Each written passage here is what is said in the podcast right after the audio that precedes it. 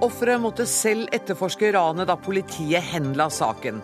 Det tok ham to timer å finne gjerningsmannen. Nå har politiet gjenåpnet saken. Norwegian utgjør en fare for amerikansk og europeisk luftfart, mener amerikanske piloter på norgesbesøk. PR-jippo fra deres side, mener Norwegian. Det er nedlatende å si at svangerskap ikke er en sykdom, sier Susanne Kalutza.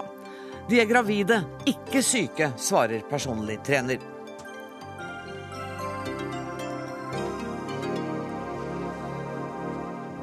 Dette er onsdagsutgaven av Dagsnytt 18, der vi også spør om det er riktig å la ansatte se på OL i arbeidstida. Men aller først.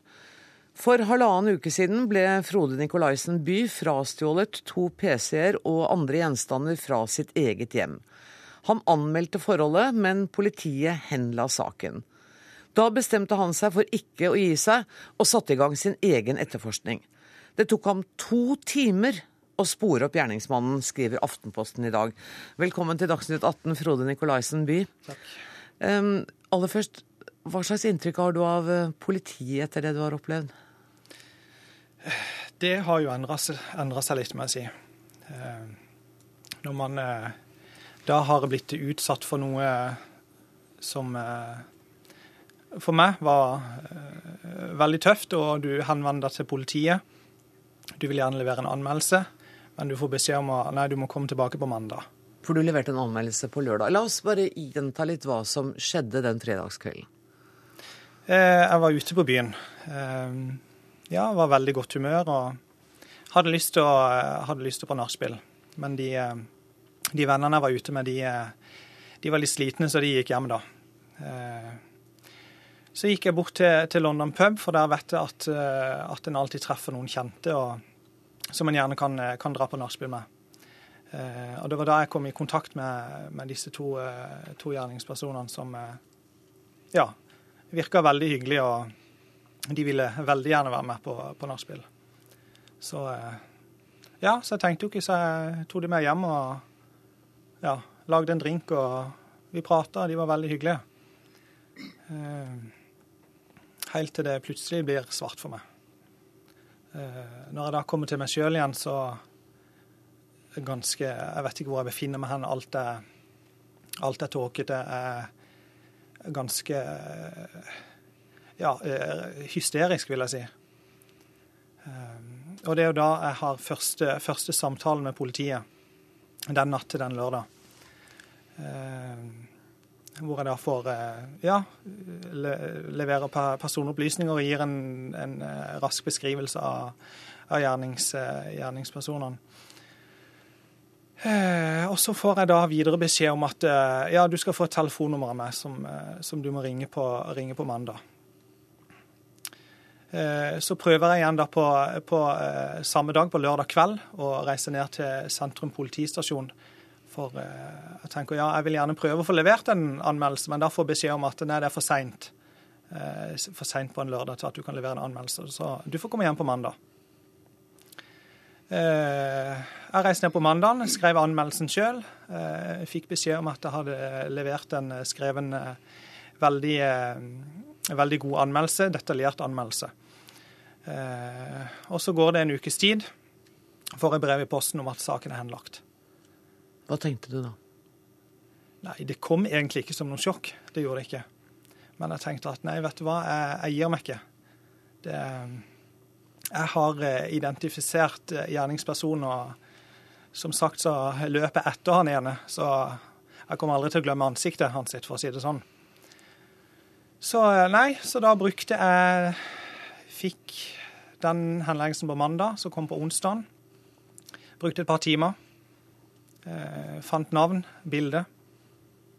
Eh, fant eh, en tidligere dom. Og det, hva var den dommen for? Det var for lignende. Mm. Bare at det var, det var mye, mye, grovere enn det som de hadde gjort mot, mot tre andre personer. Eh, og alt dette reiste jeg ned og leverte til politiet på, på torsdagen på formiddagen. Så får jeg da en telefon på eh, på eh, torsdag ettermiddag om at eh, saken er gjenopptatt, og at eh, jeg hadde gjort en god jobb. hadde du følelsen av at Eller du sa til meg tidligere i dag at, at, du fikk litt følelsen av at hvis du hadde vært utsatt for vold, hvis du hadde vært banka opp, så hadde det kanskje vært en skarpere reaksjon fra politiet med en gang? Ja, det, det tenker jeg.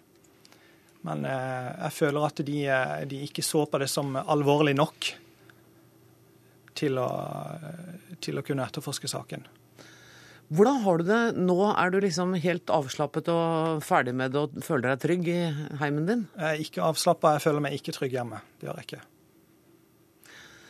Gro Smågli, du er fungerende visepolitimester i Oslo. Hvordan reagerer du på det du hører her? Det er alltid trist å høre at eh, vi ikke greier å bidra sånn som vi burde gjøre i, ved, når det skjer sånne ting. Kan du sette deg litt nærmere mikrofonen? Ja. Takk skal du ha. Så vi skulle gjerne håpet at vi hadde eh, håndtert den saken her på en annen måte. Men den er jo ikke enestående? Nei da, det er klart. Eh, men her må man tenke at vi vi i, i særlig helgesituasjonen så er det stort trøkk på politiet. Politiet søker å få mest mulig ressurser ut, for å, ut på gata og i bymiljøet for å forebygge at kriminalitet skjer. Og ved anmeldelse så prøver en å gjøre et skjønn etter beste evne om det er saker som kan utstå til mandag for anmeldelse. Men det, det, er klart her eh, vi skulle ønske at vi, vi, kunne gjort, for vi ser alvorlig på det. og Vi, vi har full forståelse for at han syntes det her var en uh, vond og lei situasjon. Ja, og det er, ikke, det er, jo ikke, vanskelig å forstå at politiet er presset i helgene, men det at man henlegger så raskt ja. Dere hadde jo en masse opplysninger. Han hadde fått ros for at han leverte en detaljert anmeldelse, og neste svar er at den har vi henlagt. Jeg kjenner ikke den uh, saken Nei, detaljert. Men det må jo være mange, det er jo flere tusen ja, henleggelser i løpet av et år.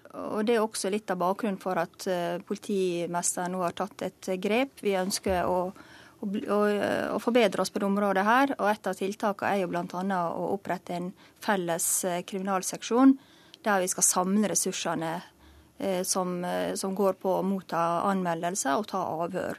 Når vil den være etablert? Det håper vi kan være Den er for så vidt etablert, men vi må styrke den. Og vi håper jo fra sommeren av at vi kan ha såpass med ressurser at vi skal unngå sånne situasjoner. At vi rett og slett har større kapasitet på tider der eh, personer har behov for å komme med anmeldelser, og, og har behov for at politiet sikrer bevis og tar, gjør de grepene som er nødvendig. Ja, for det er klart at Når du har vært utsatt for noe dramatisk eh, på fredag natt til lørdag, og du må vente til mandag alene med å kunne få fortalt det til noen, så, så er vel enighet om at det er en uholdbar situasjon? Det ønsker vi ikke, det er helt klart.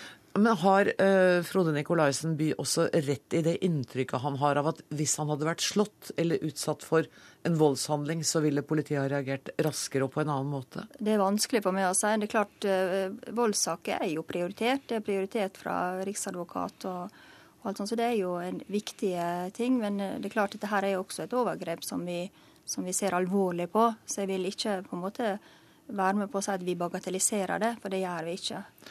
Kan du si noe om hvor mange eh, denne type kriminelle handlinger som foregår i snitt i Oslo en helg? Det er vanskelig å si, det har ikke bakgrunn for å si. Men det er, det er jo mest voldssaker og, og, som, som en håndterer, og det er jo det ganske stort volum av. Og Det er jo derfor også politiet prioriterer å komme seg ut på gata og, og prøve å unngå at det skjer voldsepisoder. Men tror du at det kan være mørketall her? Fordi at uh, Frode Nikolaisen By kunne jo kanskje tenkt at jeg har vært litt naiv med å ta med meg to jeg ikke kjente hjem. Uh, litt flau. Ikke anmeldt det. Vil jeg tro, for det gjelder jo det samme med, med også så vil si, nachspiel-voldtekter. Det er klart at vi, det, vi, vi, tror jo det er store mørketall, fordi at det er mange som ikke ønsker det på en måte å anmelde det, og det, det er beklagelig. Eh, vi skal ha med oss justisminister Anders Anundsen på telefon. Kan dere ta på dere hodetelefonene, så hører dere også hva han sier. Justisminister, eh, jeg forstår at du ikke kan kommentere denne spesifikke saken. Men kan du si noe om problemstillingene her og de generelle utfordringene som politiet har? Altså Aller først så vil jeg understreke at uh, veldig mye av den jobben politiet gjør, er veldig bra. Uh, men uh, samtidig så ser vi noen eksempler hvor det er grunn til å ta den selvkritikken som Oslo-politiet her tar. Vi har sett en økende tendens f.eks. til at saker med ansatt kjent gjerningsmann blir henlagt av ressursmessige årsaker. Det mener vi er en stor utfordring, og jeg har skrevet brev til Riksadvokaten med en påpekning om at dette ikke er akseptabelt, og det undergraver folks tillit til rettsstaten, og at vi i fellesskap må bidra til å løse den situasjonen. I, den, ja, bare for lov å si at I denne konkrete saken så brukte altså Frode Nikolaisen by to timer på å etterforske, finne gjerningsmann, finne tidligere dom. Det er vel strengt tatt politiet som skal gjøre den jobben? Det er strengt tatt politiet som skal gjøre den jobben. og Særlig når da anmeldelse og beskrivelse av gjerningspersoner eh, er veldig god, eh, og han selv klarer å fremskaffe den dokumentasjonen på så kort tid, eh, viser jo at det kan i noen situasjoner virke som om henleggelsen kommer før etterforskningsskritt er tatt, og det er en stor utfordring. Vi skal ha tillit til at eh, det gjennomføres eh, etterforskning som grunnlag for en, eh, en konklusjon av en straffesak, helt uavhengig av hva det er. Så jeg forstår at han har reagert på dette. Nå reagerte jo politiet for så vidt riktig når de først fikk enda flere opplysninger. Men jeg forstår en frustrasjon både i denne saken og i andre saker, hvor en mener at Eh, henleggelsen kommer for fort, og uten at det er gjort nødvendig eh, etterforskningsskritt. Og Det er eh, noe vi har adressert både i forhold til politidirektøren og Riksadvokaten, som jeg oppfatter også tar denne problemstillingen på veldig alvor. Gro Smogli, helt kort til slutt. Er det nå tatt ut siktelse mot denne kjente gjerningspersonen? Unnskyld, det, det kjenner jeg ikke til, men jeg vet at det, det er flere saker som har tilknytning til det utestedet her, som er under etterforskning. Så politiet har iallfall tatt saken på høyeste alvor i dag. Frode Lenke Olaussen By, føler du deg litt beroliget ved at du får så uttrykt støtte for dine synspunkter både fra politiet og fra justisminister? Ja, det gjør jeg. Føles det litt roligere å skulle gå hjem i kveld? Eh, på en måte så gjør det jo det, men eh, jeg er jo likevel litt eh, Ja, litt redd. Mm. Ser meg over skuldra. Blir litt, eh, hører noen komme gående bak meg, så ja. Foreløpig så, så, er det litt eh, så er det tøft. Jeg kan bare ønske deg lykke til og håpe at dette blir oppklart og får en slutt også for deg. Tusen takk for at du kom til Dagsnytt 18, Frode Nikolaisenby. Takk også til eh, assisterende politimester Gro Smogli og til eh, justisminister Anders Anundsen.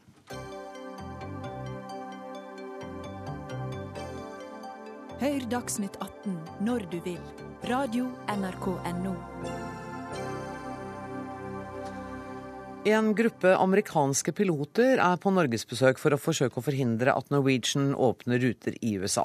På en pressekonferanse i Oslo i dag hevdet de at Norwegian er en fare for den amerikanske og den europeiske flyindustrien, og truer tusenvis av jobber.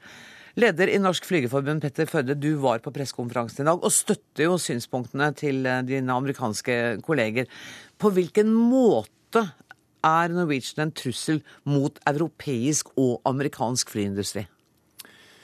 Vel, det er som du sier helt riktig. Vi, vi støtter amerikanerne, og vi støtter europeerne i den uh... Kan du også komme litt nærmere mikrofonen? Det, det er så fristende å sitte seg langt unna, men vi må sitte tett. Nei da, det går veldig greit.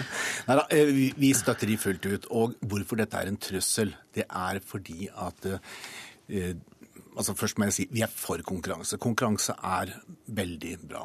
Og det som vi er imot, det er hvordan Norwegian har tenkt at dette eh, selskapet, som skal da operere deres langrutefly, hvordan det er skrudd sammen. Det skal altså, Flyene skal altså registreres, eller er registrert i Irland. Mm. Eh, selskapet skal da ikke operere være seg inn eller ut fra Irland. Det er fra Skandinavia til Asia og fra Skandinavia til Amerika. Mm -hmm. Så kan du si hvem skal føre tilsyn med disse flyene? Jo, det må det irske myndigheter gjøre. Når de facto flyene aldri kommer til å lande eller ta i Irland. Kan ikke norske myndigheter gjøre det hvis de tar av og lander i Norge? Det er, det, de er, det, er irske, det, er irsk, det er et irsk selskap. Dette er ikke lenger et norsk selskap. Ja, det er et datterselskap til Norwegian, sånn som det er strukturert? Ja, det er godt mulig, men så lenge flyene er registrert i Irland, så er det irske myndigheter som har den, Okay. den, det, det ansvaret. Det er den ene tingen. Så er det da eh, pilotene som skal jobbe i dette selskapet. De er da ansatt gjennom et vikarbyrå i Bangkok på kontrakter. Nei, Singapore, tror Ja, jeg. gjerne det, da. Ja. Men i, la oss si Ja, i bare Østen, da. la oss få det riktig. Ja, Ja. men Det er greit. Men i Østen. Eh, og hvorfor er de det? Hvorfor kan de ikke bruke norske piloter? Hvorfor kan de ikke bruke europeiske eh, piloter? Jeg syns jeg ser veldig mange likheter mellom det de nå gjør, som det som skjedde med eh, sjøfarten i sin tid. Den er i stort sett borte fra dette landet her. Jeg er redd for at vi kan gå akkurat, ende opp akkurat samme eh, i, i Norge. Vi får altså Du mener altså det at norske skuter gikk under bekvemmelighetsflagg, de- Ja. den perioden hvor man drev med det, Det er- mener du at det er det eh, Norwegian gjør her? At de flagger ut? De flagger ut sine fly til Irland. Hvorfor ellers skulle de gjøre det? Det er rett og slett av bekvemmelighetshensyn. De tar ikke et arbeidsgiveransvar i det hele tatt. De setter, eh, nå snakker jeg for flyverne, flyverne er i en veldig vanskelig situasjon. De skal altså base i Bangkok. Det, det er jo ikke der de bor, det er ikke der de har sine utgifter. Hvor skal de betale sine sosiale uh, avgifter? Hvor skal de betale eh, skatt hen? De skal vel betale skatt til hjemlandet, ifølge kontrakten. Hvis du er norsk pilot eh, som har en kontrakt fra dette Singapore-selskapet, så Mm. skal du betale skatt til Norge. Ja, ok, så får vi håpe at, at de gjør det. Men det er jo ikke da bare norske. De bor ikke bare i Norge, de kan jo bo hvor som helst i eh, Europa. Så uansett, eh, Norwegian slik jeg ser det, tar ikke et arbeidsgiveransvar i, i denne saken i det hele tatt. Hvor alvorlig er denne situasjonen? Den er veldig alvorlig fordi at der Norwegian tror jeg ønsker å hente ut et par 50-lapper eh, og legge seg noe lavere enn de selskapene som i dag opererer i dette segmentet, det skal hentes ut fra de ansatte. De skal forringe eh, rettighetene og vilkårene til de som jobber i bransjen i dag. og Det er det som er, vi er bekymret for. Og altså, Det som er viktig å få med seg her, er at i, i dag så har vi en bransje som fungerer godt. Konkurransen mellom f.eks. Skandinavia og eh, Østen 70 av alle de som flyr inn til Skandinavia fra Østen, flyes inn enten av SAS eller av Finner. Med andre ord, vi klarer å konkurrere med asiatiske selskaper.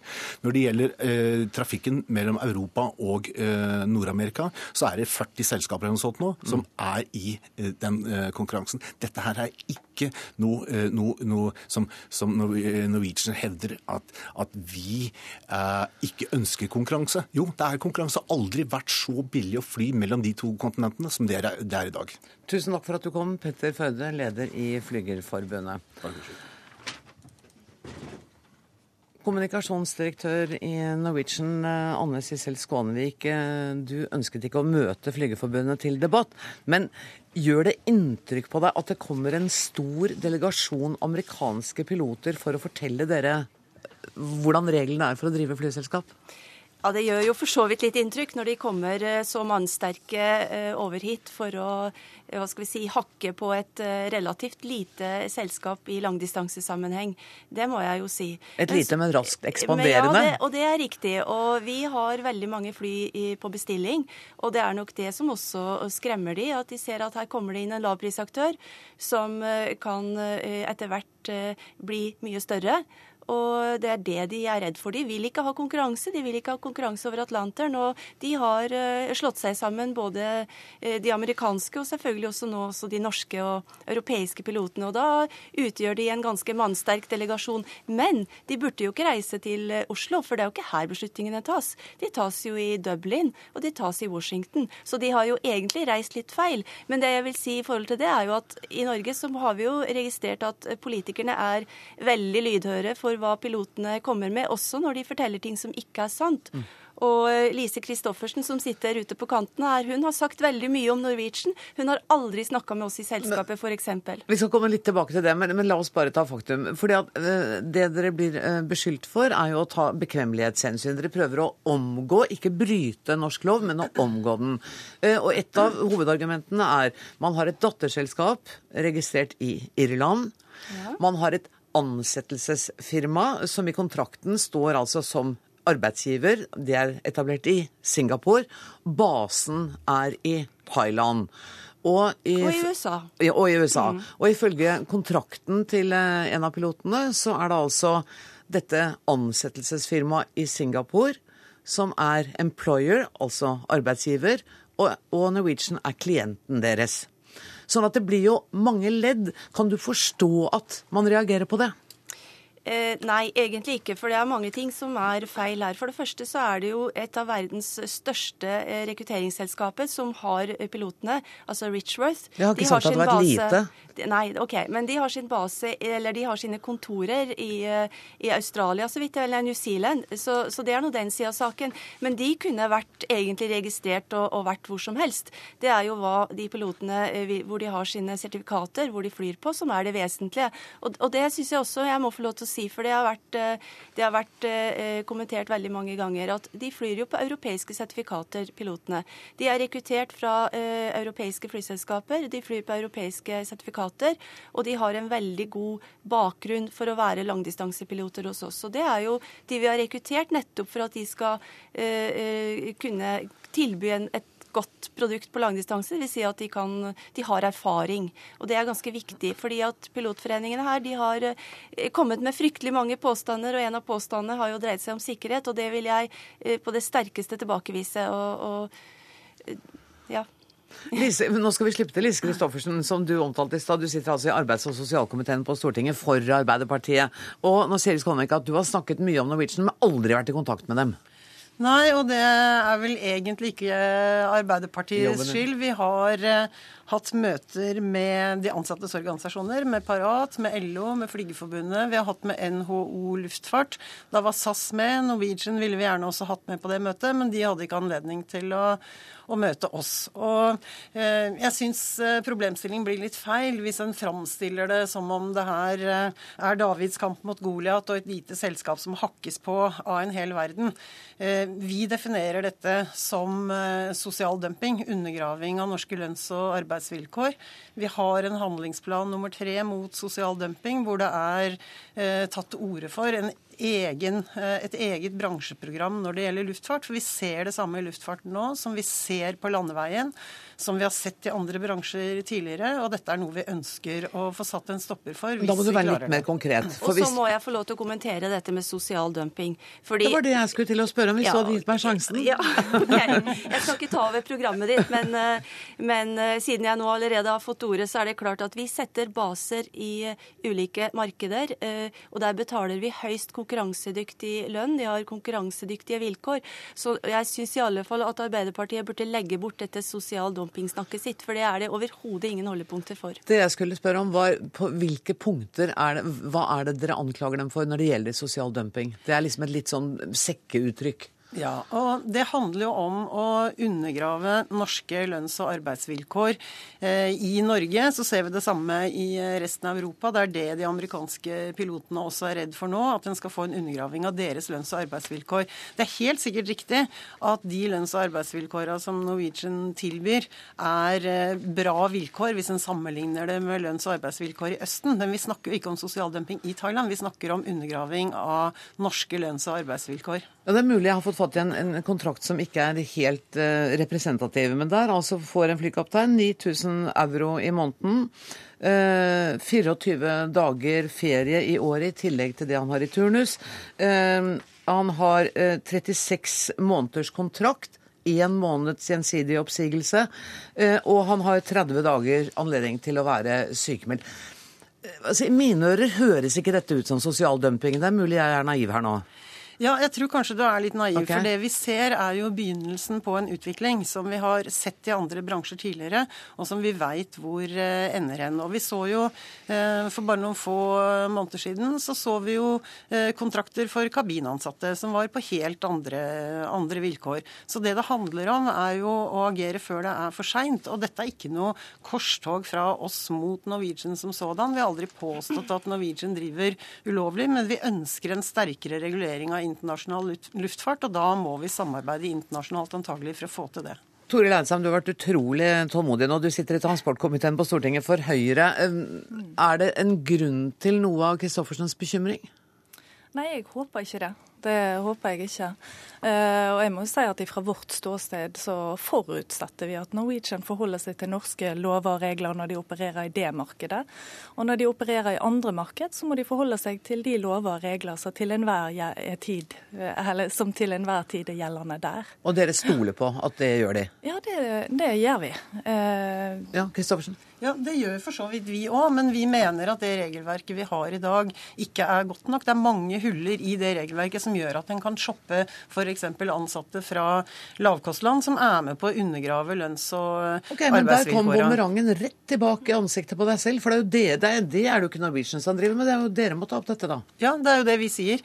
Eh, noen har prøvd å framstille det som vi driver et raid mot Norwegian. Det gjør vi ikke. Vi ønsker et bedre regelverk. Og jeg syns det er litt underlig at Høyres eh, transportpolitikere er så til de grader uenig med samferdselsministeren i egen regjering, som jo nettopp har sendt et brev til EU for å få en diskusjon om det er mulig å regulere dette på en tettere måte. Og han har også sagt at det er ønskelig. Vi har invitert samferdselsministeren, selvfølgelig. Han var opptatt eh, akkurat nå. Et lite du skal få ordet, men eh, først må jeg høre hva Høyre syns om dette.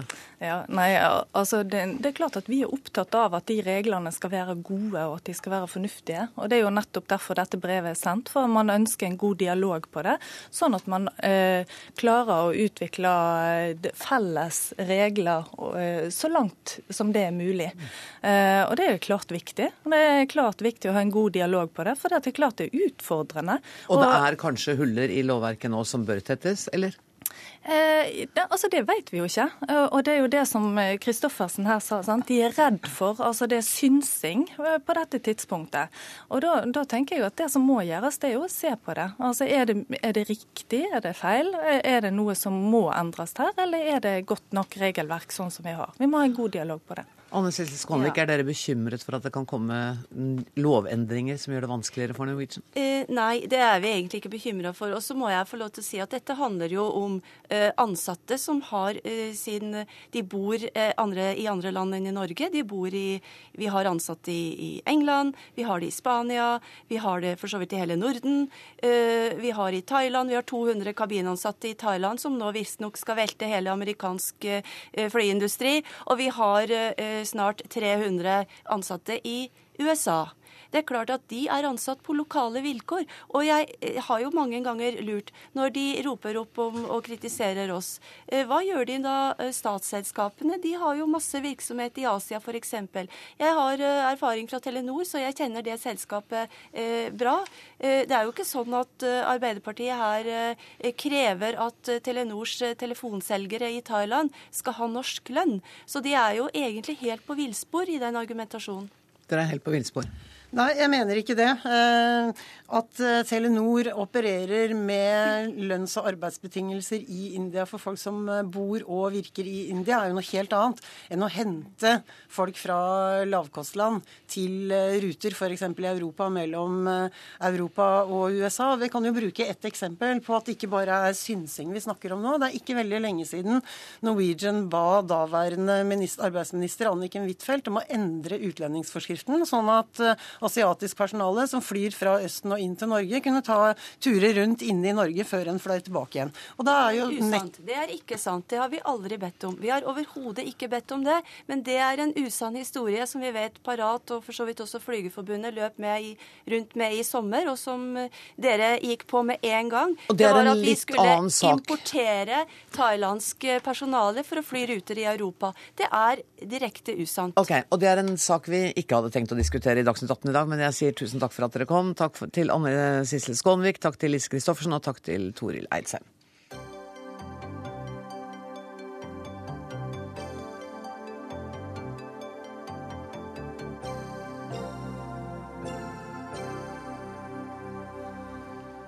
Det er for lett for gravide kvinner å bli sykemeldt, hevdet to danske debattanter, og reaksjonene har ikke latt vente på seg. Heller ikke her i Norge. Susanne Kalutza, du er redaktør for nettstedet foreldre.no. Hvorfor ble du så provosert? eh, altså, nå er det jo slik eh, at veldig mange, veldig mange kvinner eh, opplever at det er vanskelig å kombinere en 100 eh, jobb med å gro fram et menneske med en 100 eh, stilling.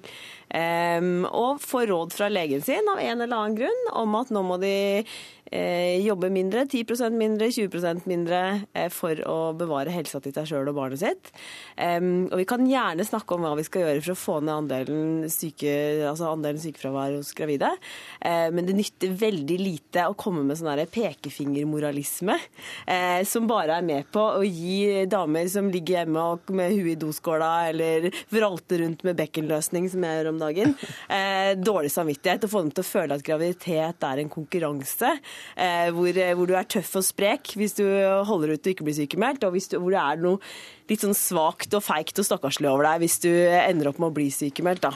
Og du var så provosert at du skrev at du hadde lyst til å spytte på folk som sa at det å være gravid er ikke en sykdom. Jeg skrev det noen ganger. Det har jeg de siste månedene. Jeg er gravid i sjette, ja, andre trimester. Ja. Eh, og har, har, ganske mange måneder igjen. Eh, og når jeg da har ligget der på sofaen i fosterstilling med huet i ei bøtte og kasta opp, eh, og med vondt i rygg og bekken, eh, så har jeg de siste månedene tenkt at noen ganger at når folk sier sånn graviditet er ikke en sykdom, så tenker jeg sånn det føles det litt som å bli spytta i ansiktet, faktisk.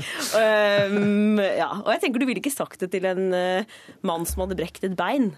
Beinbrudd er ikke en sykdom, og beinbrudd er jo ikke en sykdom det heller, men det gjør det jo litt vanskelig å, å jobbe maks, da. Eller å yte maks. Helle Bornstein, du er personlig trener og har vært opptatt av samme problemstillingene. 75 av eh, gravide kvinner får en sykemelding i løpet av svangerskapet, en kortere eller lengre. Er vi litt i ferd med å sykeliggjøre graviditeten?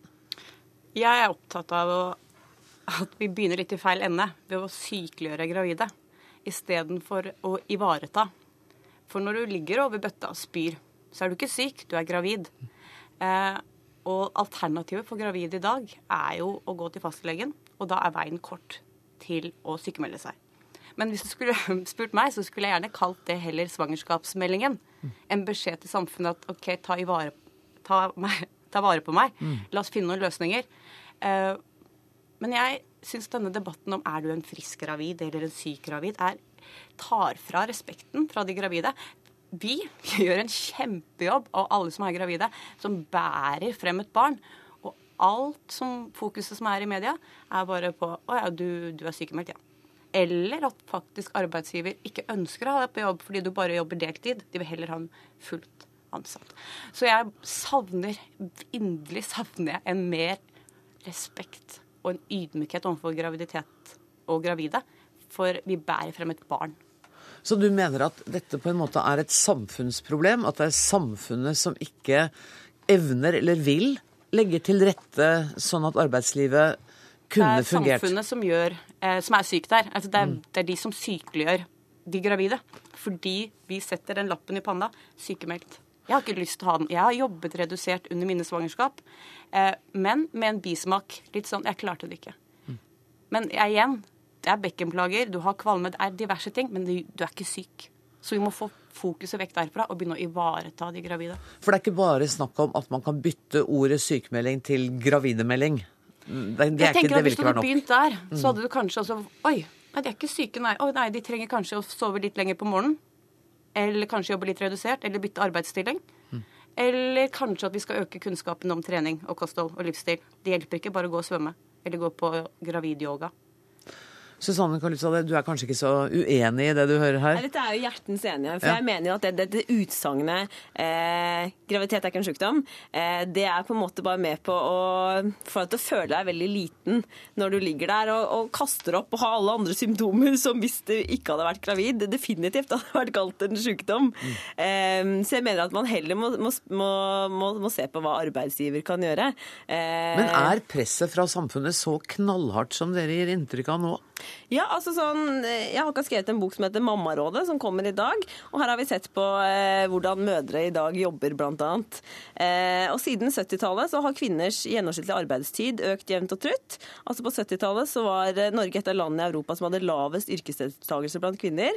Nå har eh, andelen småbarnsmødre og unge deltidsstillinger eh, fallende. Så stadig flere av oss jobber stadig mer. Eh, vi får barn seinere, så, så det er klart at det er lettere å være gravid når du er 20 enn å være gravid når du er 35. Mm. Eh, og, og, arbeidslivet er annerledes nå også enn det, var, eh, enn det var for 30 år siden. Og mer krevende, tenker du, for den gravide? Er det fortsatt sånn at eh, manglende respekt og aksept på at du er gravid, er altoverveiende i arbeidslivet? Ikke, heldigvis ikke altoverveiende. Vi er kommet veldig langt i Norge. Altså, ifølge arbeidsmiljøloven så plikter jo faktisk arbeidsgivere til å tilrettelegge slik at gravide skal klare å stå i stillingen.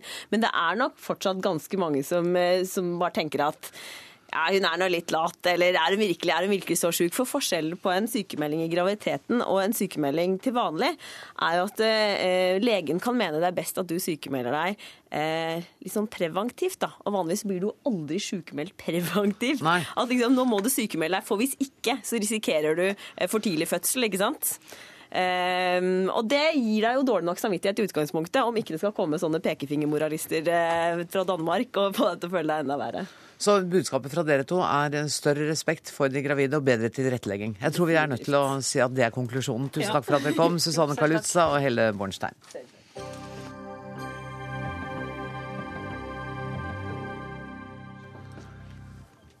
Kunnskapsminister Torbjørn Røe Isaksen, som nå er på vei inn i studio, vil prioritere leksehjelp for eldre elever. Fra høsten skal derfor kommunene selv få bestemme hvilke elever som skal få leksehjelp, skriver Dagsavisen. Medlem av utdanningskomiteen på Stortinget for Arbeiderpartiet, Christian Tynning Bjørnø.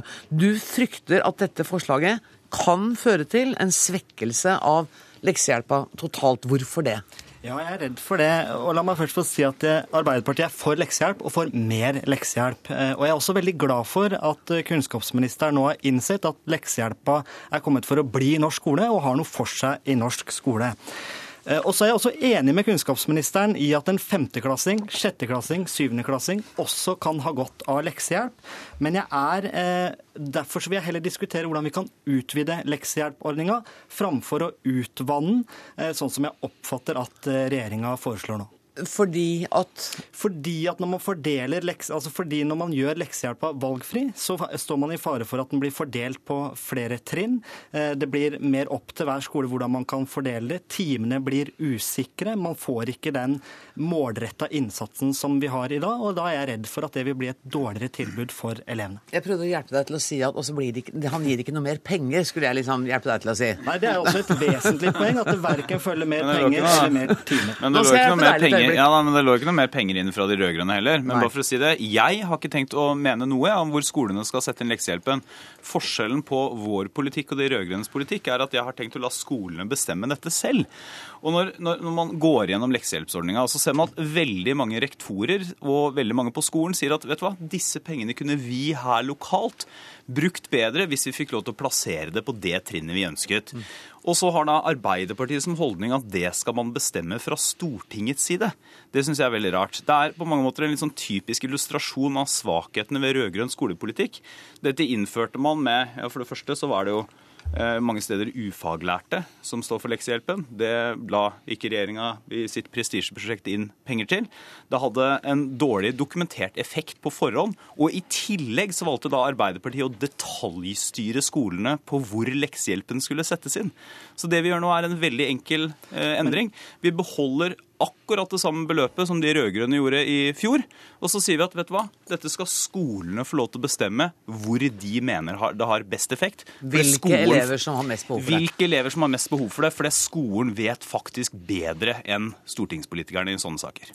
Men det er en grunn til at vi la inn leksehjelpa fra første til fjerde klasse. Fordi vi vet ganske mye om hvor viktig tidlig innsats er for at elevene kan lykkes seinere i skoleløpet. Men denne ordningen har ingen dokumentert effekt på tidlig innsats. Og så ser vi at nå har ordninga vært evaluert nylig, og vi ser at evalueringa der viser, som kunnskapsministeren sier, at det er stor sprik i organisering, hvem som utfører det, om det er lærere, assistenter osv., og, og at det åpenbart er ting der vi må jobbe videre med. Og at effekten ikke er dokumentert, står ja, men også Den viser også noe annet og det er at de skolene som lykkes med leksehjelpordninga, de skolene som klarer å få en høy andel elever eh, til å benytte seg av ordninga, ja, de gjør det faktisk bedre på nasjonale prøver. Men så Derfor så vil jeg diskutere med kunnskapsministeren heller ja, hvordan vi kan få flere til å benytte seg av leksehjelpsordninga, ikke å vanne den ut og smøre den utover årstidene. Sånn kan, jeg, kan jeg spørre om, eh, bare for å si først hva forskningen viser, da. Altså, den viser at jo, det er en, de som har, eh, har leksehjelp og som har trappa opp innsatsen der, gjør det litt bedre i nasjonale prøver. Men samtidig så viser den at dette har ingen dokumentert effekt på enkeltelevers resultater. Med andre ord så er det ikke noe åpenbar sammenheng mellom leksehjelp og nasjonale prøveresultatene. Så viser det også at denne ordningen sannsynligvis, i hvert fall basert på foreløpig forskning, øker de sosiale forskjellene. Det så det er, det er på en måte, og det er, det er, greit å ha med seg. Men mitt spørsmål til Arbeiderpartiet går jo ikke på altså Vi bruker akkurat det samme beløpet som dere hadde lagt inn i det budsjettet vi overtok. Spørsmålet til Arbeiderpartiet er jo hvorfor skal Arbeiderpartiet på død og liv presse alle skoler til å måtte ha det fra første til fjerde trinn? Altså det her sier da, altså Når man spør rektorene, så sier 30% f.eks. av rektorene sier at de ser svært liten ikke har noe nytte av å ha det på første trinn.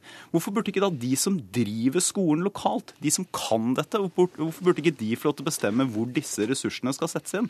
Må det detaljstyres fra departementet? Nei, det må det absolutt ikke. Og jeg har ikke tenkt å velge. Jeg har tenkt det å fortsette med obligatorisk leksehjelp fra første til fjerde klasse. Og så har jeg lyst til å utvide ordninga sånn at den kan gjelde enda flere elever. For det viser evalueringsrapporten at har positiv effekt på læring. Så vi diskuterer ikke om vi skal tilby leksehjelp leksehjelp til første til fjerde klasse eller til sjette og syvende klasse. Vi diskuterer vi om vi syns leksehjelp er en så god ordning at vi beholder den sånn som den er i dag, og utvider den sånn som vi også vil. Ja, for da, da må det mer penger til? Da må det mer penger til, og, og det, og det var også vår plan. Ja. Vi, har, vi, har, i vårt eh, program lagt inn en lese-skrive-regngaranti, lagt inn en milliard til tidlig innsats, nettopp fordi vi mener at det å sette inn støtet de første årene på skolen har avgjørende effekt på hvordan elevene klarer seg senere det syns jeg sier mye om Arbeiderpartiets skolepolitikk. Legg merke til det. De sier at de skal ha en, en, lese, altså en milliard. Dette tiltaket som vi har i dag, koster en halv milliard.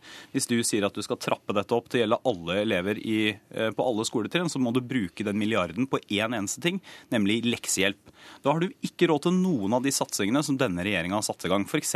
satsing på etter- og videreutdanning av lærere. Det du skal gjøre da, er å bruke en milliard på å utvide en leksehjelpsordning med ufaglærte, istedenfor å bruke penger på det vi vet har har en dokumentert effekt, nemlig at gode lærere kan få faglig påfyll, bli enda bedre, jobbe med å bygge sterke faglige lag i skolen. Og Da er det faktisk bedre å si at disse pengene de kan vi beholde, men la skolen bruke det der de mener det har best effekt. Det kunnskapsministeren tydeligvis ikke har fått med seg i eh, budsjettet, var at vi hadde råd til begge deler. Fordi vi ikke ga skattelettelser til de som var mest fra før. Vi ble med, vi, vi ble med vi på påplussingen på etter- og videreutdanning fordi vi mener at det er viktig. Så her må vi skille diskusjonene. Nå snakker vi faktisk om om vi skal beholde og styrke en leksehjelpsordning som vi har i norsk skole i dag, eller om vi skal utvanne den og fordele den utover årstiden. Men, men, du sier at du har én milliard å bruke til denne garantien dere skal gi nå. For øvrig da etter åtte år i regjering. men det er noe greit. 1 milliard kroner. Hvis du skal utvide en leksehjelpsordning som i dag er til første-fjerde trinn, som koster en halv milliard, så kommer det til å koste over en milliard. Da har ikke du noe penger igjen, du. For da har Arbeiderpartiet brukt opp alle sine skolepenger på en leksehjelpsordning som stort sett styres av ufaglærte. Det mener jeg er en dårlig prioritering. Men det har vel ikke Arbeiderpartiet tenkt? Dere har jo selv sagt at det er en av svakhetene, at det var ulikheter, og at en del av det var ufaglærte. Nettopp. Det er en del svakheter i leksehjelpsordninga, så vi diskuterer her om vi skal utvikle den, gjøre den bedre og få den til å gjelde flere, eller om vi ikke skal gjøre det. Det ligger ingenting i Høyres forslag nå som sørger for at den leksehjelpa gjelder flere, og at den blir bedre enn det den er i dag. Den blir Kunnskapsministeren er uenig i det du sier nå, og jeg må bare spørre deg, når, når vil dette skje? Fra når? Dette, fra, dette er innført fra årets budsjett, så det blir, blir vedtatt i, i vår. Mm -hmm. Og så vil det være en mulighet for skolene fra høsten 2014. Til selv å disponere de da midlene som er? Da kan de velge. Hvis, eh, så de skolene som mener at mest faglig effekt får vi av å legge det inn i første fjerde klasse, kan få fortsette med det. De mange rektorene og skolene som sier at vi vil heller bruke det på ungdomsskolen, de skal få lov til det uten at vi fra Stortinget eller politikerne blander seg inn. Men herre, kan ikke vi møtes igjen her når den ordningen har fungert en stund, og så ser vi på erfaringene og ser hvor dere står hen da. Tusen takk for at dere kom i dag. Christian Tynning, eh, det var altså Christian Tynning Bjørnø og kunnskapsminister Torbjørn Røe Isaksen.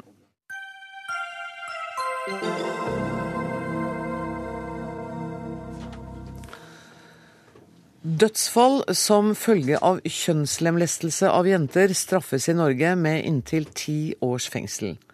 Samme straff bør gjelde hvis guttebarn dør etter omskjæring. Det krevde Jenny Klinge fra Senterpartiet i dagens spørretime i Stortinget. Du er medlem av justiskomiteen på Stortinget. Hvorfor vil du ha en kriminalisering av dødsfall etter en omskjæring? Det er rett og slett fordi vi er nødt til å likebehandle eh, jenter og gutter og gi samme rettsvernet. Eh, og det som er grunnholdninga mi, det er at vi er nødt til å sette en eh, aldersgrense på 18 år for omskjæring av gutter som ikke er medisinsk begrunna. Altså et forbud under den alderen. Det er det eneste rette, prinsipielt sett, og også for å unngå potensiell skade og dødsfall. Hvem er det som skal straffes? Det jeg er klar på, det er at både det å initiere eh, omskjæring og det å utføre det må straffes hvis det blir forbudt. Så foreldre eh, skal da straffes? Det er åpenbart det at foreldre har noe ansvar for å ta vare på ungene sine. Hvis de går inn for et uh, sånn type inngrep som kan føre til skade og dødsfall, så må selvsagt de også være straffeansvarlig på lik linje på det som den som gjennomfører det. Og Det som er verdt å ha med seg, det er at de få sakene der det har vært prøver i rettssystemet uh, i Norge, om en er straffansvarlig når en har gjennomført omskjæring som fører til skade og dødsfall, så har det ikke vært, vært dømt. Eh, I dag så er det slik at hvis ei jente dør etter omskjæring, så kan en få opptil ti års fengsel. Hvis en guttunge dør, så er det ingenting, og det er ikke rett og rimelig. Regjeringa kan nå gå inn for å regulere denne praksisen. altså Det betyr at de kan påby at den skal foregå bare i spesialisthelsetjenester. Og så sier de det at det kan være snakk om at en får tre måneder i fengsel eller bot hvis en gjennomfører det utafor. Og det er ikke bra nok. Men eh, bare for å presisere, altså dette, la oss si at det er et foreldrepar, et sterkt religiøst foreldrepar som, uh, hvor gutten blir omskåret. Sånn at i tillegg til, da, hvis han dør etter dette, så skal de også straffes med inntil ti års fengsel. Ja, det er så enkelt som at vi voksne og vi folkevalgte òg har ansvar for å ta vare på ungene. Det gjør vi ikke hvis vi gjennomfører sånne inngrep på friske unger. Må huske på at det er snakk om å fjerne en funksjonell del av et friskt kjønnsorgan på friske unger.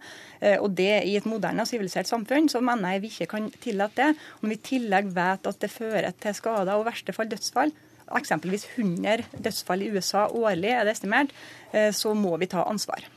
Ervin Kohn, du er leder og forstander i Det mosaiske trossamfunnet. Jeg går ut fra at du ikke umiddelbart støtter Klinges forslag her?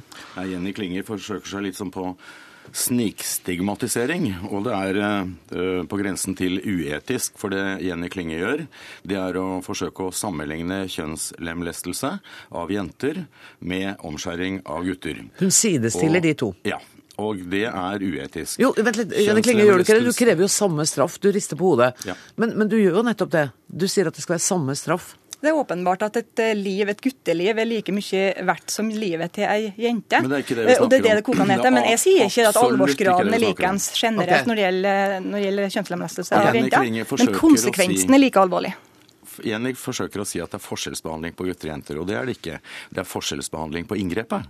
Fordi at det er helt to forskjellige typer inngrep. Derfor er det forskjellsbehandling.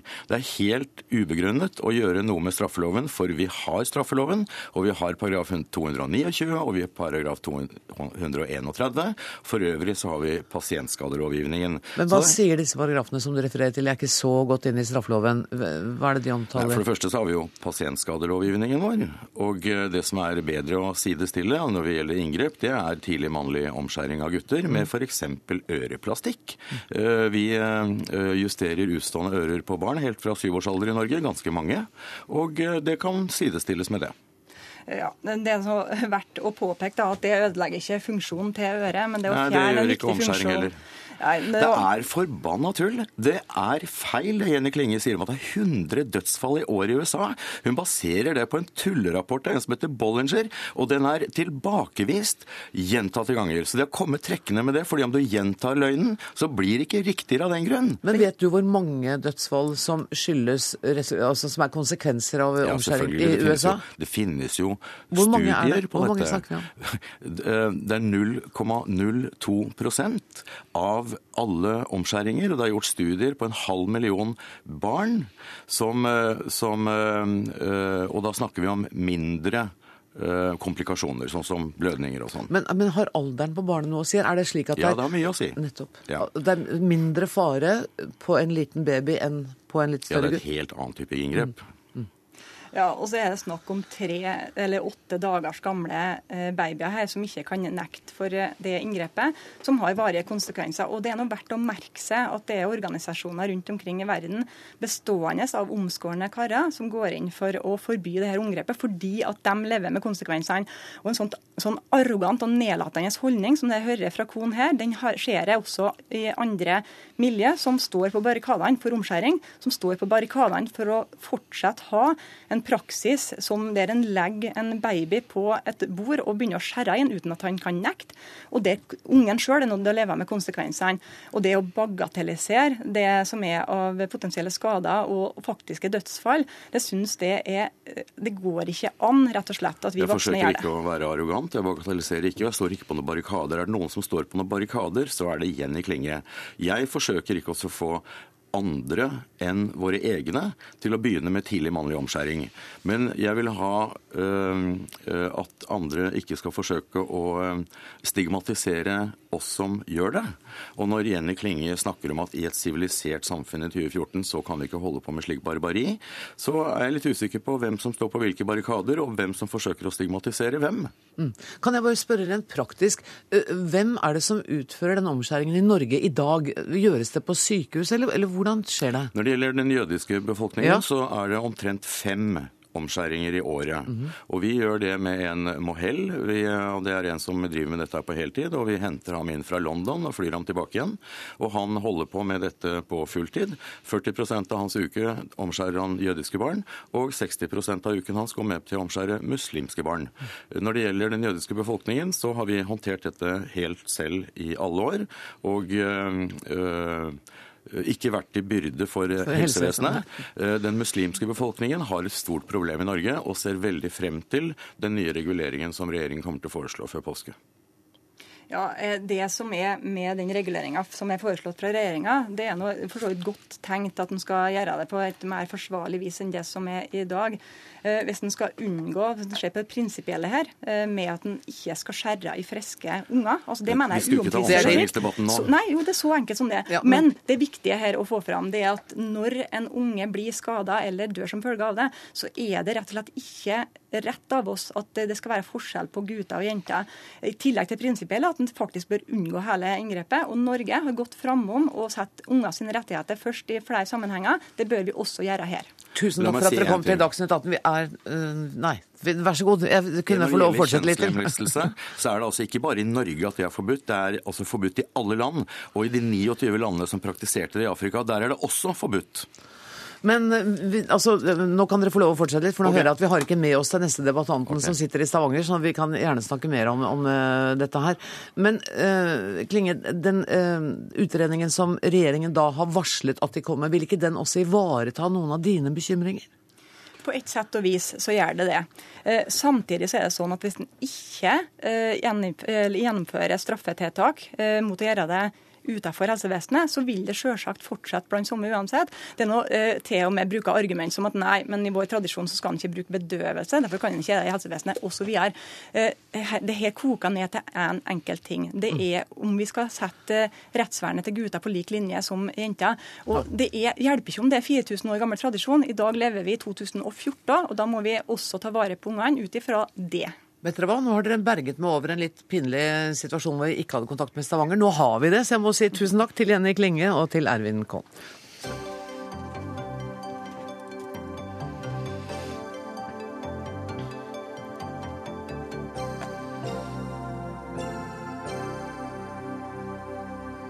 Det var mange som satt morgenkaffen i halsen da de på framsida av VG kunne lese at ordfører i Oslo kommune ønsket å nekte de 55 000 ansatte å se på OL i arbeidstida. Ordføreren snudde i løpet av dagen og sier nå at han har tillit til at de ansatte gjør jobben sin og foretar valg som ikke går utover arbeidet. Ståle Kyllingstad, du er konsernsjef i IKM-gruppen som leverer utstyr til oljenæringen, og du er på plass i Stavanger, har jeg fått beskjed om. Det er flere tusen ansatte i din bedrift, og du mener at Fabian Stang ikke burde snudd? Ja, Fabian Stang får snakke for seg. Ja, jeg har uttalt og mener at folk er på arbeid for å arbeide, ikke for å sitte og se fjernsyn og se OL. Hva slags beskjed har du gitt til dine ansatte? Nei, Det er ikke nødvendig å gi en beskjed. Folk vet hva de er, hvorfor de er på arbeid. Så jeg er ikke bekymra for det i det hele. Men det er en grunnholdning vi har. Når vi er på arbeid, så er vi der for arbeidet. Om noen velger å se litt OL, så har vi sagt det er greit. Men du kan ikke ha et med 3000 ansatte. Og hvis hver ansatt ser 20 minutter dagen i ti dager, så utgjør det seks årsverk. Og det kan vi rett og slett ikke ha. Det er altfor dyrt. Det er ingen som vil ha seks årsverk sittende og se fjernsyn. Det er, det er ikke derfor vi ansatt folk. Så for oss er det helt klart, folk er på arbeid fra arbeidet. Er det en spennende innspurt, er det et eller annet som skjer, så klart noen kommer til å se på dette, og det er helt greit. Men prinsipielt, folk er på arbeid fra arbeidet, ikke se OL. Førstesekretær i LO, Peggy Hessen Følsvik. Folk er på jobb for å jobbe. Ja, det er de. Og de eh, jobber bra, enten det er noe mer OL eller det andre idrettsarrangement som, eh, som, pågår, tror jeg. Men nå hører du han sier at de er 3000 ansatte. Hvis hver av dem ser 20 minutter hver dag, så tilsvarer det seks årsverk. Hva ville det bety liksom, i Norge som nasjon, hvis vi alle så 20 minutter hver dag i 14 dager? Ja, nå har ikke jeg eh, regna på det som, på samme måte som Kyllingstad har gjort. Men for det første så er det jo slett ikke alle som er interessert i å se på disse idrettsarrangementene. Så det blir jo et helt tullete regnestykke i utgangspunktet. Og så er det jo også noe med at eh, det å følge med på begivenheter som er så viktige for mange i Norge, det tror jeg skaper entusiasme. Jeg tror det skaper arbeidslyst, og jeg tror det skaper skape god stemning på arbeidsplassen. Så hvis det hadde gått an, så kunne man eh, kanskje regne andre veien og sett hvor mye bidrar det her til et godt arbeidsmiljø og til at eh, folk rett og slett jobber bedre. Det er vel et vanskeligere regnestykke, tenker jeg? Ja, det blir nok litt vanskelig. Men man kan kanskje måle det på entusiasmen på lydnivået f.eks. Når, disse, når disse hendelsene pågår. Men, men det at eh, et fjernsynsapparat står på hele dagen, det vil ikke bekymre deg på en arbeidsplass? Nei, det tror jeg ikke. Sånn som jeg har opplevd det når jeg er ute på arbeidsplasser og f.eks. det er eh, VM på ski eller sånne ting, så ser folk på det akkurat når de største høydepunktene går, og så står det og surrer og går, og så tenker ikke man noe mer på det. Og så samles man kanskje til å ha det gøy akkurat idet innspurten skjer, og så feirer man litt, eller så gråter man litt fordi man tapte. Og så er det stemningsskapende. Det er stemningsskapende, og det er godt for arbeidsmiljøet, Kyllingstad? For det første, regnestykket er langt ifra tull. Det er ren matematikk, og det er veldig enkelt å kontrollere. Det er veldig enkelt å dokumentere. Men det er soleklart at folk hører på radio, eller om det står et fjernsyn og surrer. Poenget er at folk skal ikke De er på jobb for å jobbe. Om de er interessert i, i idrett eller i andre ting, så må det være en regel og en, et system på hva folk gjør når de er på arbeid. Og det er faktisk arbeidet. Utover det så er jeg kanon fornøyd med mine ansatte, og jeg er helt sikker på at de kommer til å løse det på en god god måte, og de kommer til å takle det på en bra måte og få med seg de absolutt viktigste tingene hvis noen som brenner ekstra mye for noe. Men det er klart, det er en reell problemstilling. At det er 20 minutter hver dag på 3000 ansatte gir seks årsverk i et helt OL. Og jeg tror vi ikke skal, Det må vi ta med oss. må vi ta med oss det i vår skal vi si, til dels ganske produktive hverdag, eller kamp for å ha en produktiv hverdag. Så det er en reell problemstilling. Men jeg er overhodet ikke bekymra for oss som selskap. Og der er god stemning i KM, der er god stemning på arbeidsplassene. Og ingeniørene får med seg det, sånne småting. Men det er en reell problemstilling. Men, men, det er ikke allikevel så bekymringsfullt at du finner grunn til å minne dine ansatte på at de er på jobb for å jobbe? Nei, du, nå har det sagt for at jeg har minnet dem på det. Så, du har så sånn på det, ja. sett er jeg godt fornøyd. Hvordan, men, hvordan tok de det? Nei, De bare ler. Ah, ja. Og det er faktisk veldig stor støtte blant folk. De er helt enige. Men det er klart de sier vi har jo radioen på. Soleklart er jo radioen på. Det, det Eh, hvordan ser eh, LO på dette hvis en sjef skulle ha gått ut og sagt at vi minner om at vi ikke skal ha eh, OL-sendinger hele dagen? Ja, nå prøvde jo Fabian Stang seg på det i dag, da. Det gikk jo veldig dårlig. Heldigvis, et par timer, det. Ikke sant? Heldigvis så hørte han på LO-lederen sitt gode råd, og så ombestemte han seg. Jeg tror dette er et veldig lite problem ute i næringslivet. Og, og jeg skjønner at Kyllingstad er, er bekymra for produktiviteten, men jeg er som sagt ikke det. Heller så tror jeg at dette dette bidrar til produktivitetsøkning og godt arbeidsmiljø. Så jeg tror, jeg tror ikke det er så veldig mange som bekymrer seg. Nei, men vær helt ærlig, det er ingen som tror at det er mine folk eller andre folk eller jeg sjøl jobber forere fordi Bjørgen tar et OL-gull. Vi gjør jo ikke det. Nei. Nei, Man må ikke drømme oss vekk her, men folk er flinke. Nordmenn er lojale. Og vi er ansvarlige. Og, og, vi hører på NRK radio, som skal sende OL. Jeg må si tusen takk for at dere kom, Ståle Kjellingstad og Peggy Hessen eh, Følsvik. Dermed er Dagsnytt 18 slutt for i dag. Ansvarlig for sendinga var Dag Dørum. Det tekniske ansvaret har Hanne Lunås. Jeg heter Anne Grosvold. Vi høres i morgen.